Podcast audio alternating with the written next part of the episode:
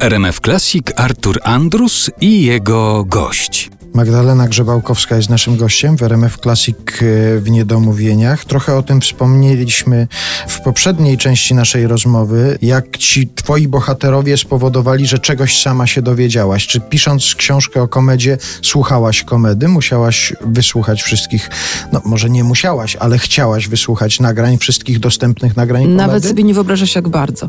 Wydaje mi się, że w pewnym momencie mogłabym wziąć udział w programie Jaka to melodia, jeśli chodzi o utwory komedy.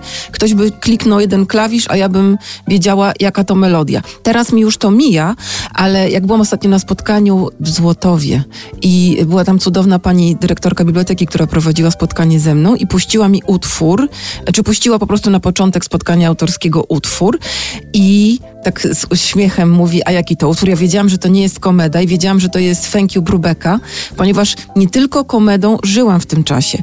Ponieważ po pierwsze uważam, no, tak jak robiłam, pisałam o Beksińskich, no to musiałam obejrzeć wszystkie filmy, które przetłumaczył Tomek Beksiński. Beksińscy słuchali bardzo dużo muzyki. Bardzo dobrze się wsłuchałam w muzykę lat 70., tą taką rockową, bo oni tę muzykę wielbili.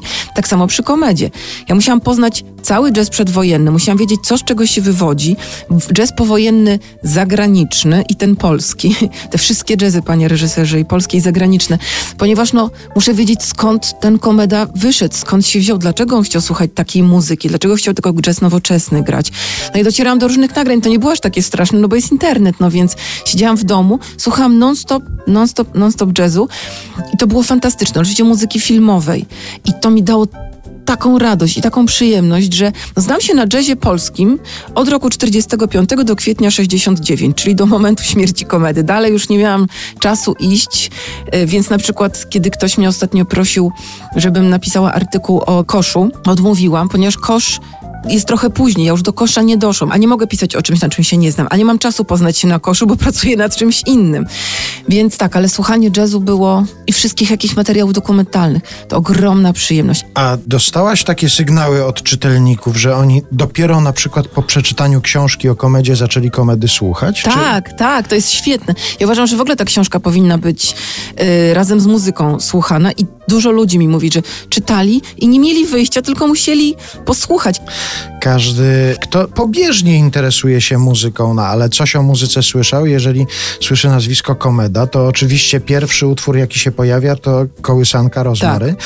A ty wśród utworów Komedy masz jakiś taki, który szczególnie lubisz, kochasz? E, tak, szczeg... tak. Piosenka Ewy Demarczyk do filmu y, Skolimowskiego pod tytułem Bariera, co nie będę jej nucić, ponieważ nigdy nikt nie rozpoznaje tego, co ja nucę. Także Ja zawsze mówię, pamiętasz, to jest ten utwór i nucę. I ten ktoś zawsze mówi, nie, nie wiem o co chodzi. A mnie się zawsze wydaje, że świetnie śpiewam i mało tego, muszę powiedzieć, że kiedyś jak Maciek Nowak, dyrektor Teatru Polskiego, obecnie kiedyś dyrektor Teatru Wybrzeże, robił taki niekabaret w Gdańsku w swoim teatrze, to ja w nim śpiewałam w tym niekabarecie. To był taki niekabaret złożony z dziennikarzy lokalnych, urzędników, aktorów. Ja śpiewałam z Dorotą Karę, dziennikarką, y, moją przyjaciółką i wtedy śpiewałyśmy piosenkę do kołysanki Rozmarys Baby. Świetnie śpiewałyśmy moim zdaniem. Y, dla niepoznaki rozbierałyśmy się y, po drodze. Tekst nam napisała Lucyna Legut, nieżyjąca już fantastyczna aktorka, malarka, pisarka. I to było jakieś takie fatum, prawda, że znak, że kiedyś będę pisać o komedzie. Ale jeśli po prostu to dziecko Rozmary jest świetne, ale już no takie dosyć ograne, prawda? Natomiast piosenka Demarczyk, którą w filmie śpiewała sprzątaczka, która myje podłogę, wykręca szmatę i śpiewa głosem Demarczyk. Polecam wszystkim. To jest, o Jezu, jakie dreszcze. Ale każdy utwór, jak się egzaltuje, nie? Mój mąż mówi zawsze nie egzaltuj się tak, ale nad komedą trudno się nie egzaltować.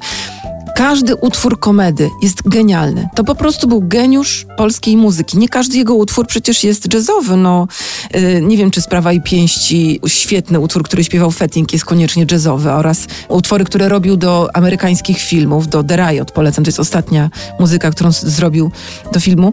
To jest geniusz. Geniusz to był, naprawdę. Trudno inaczej powiedzieć.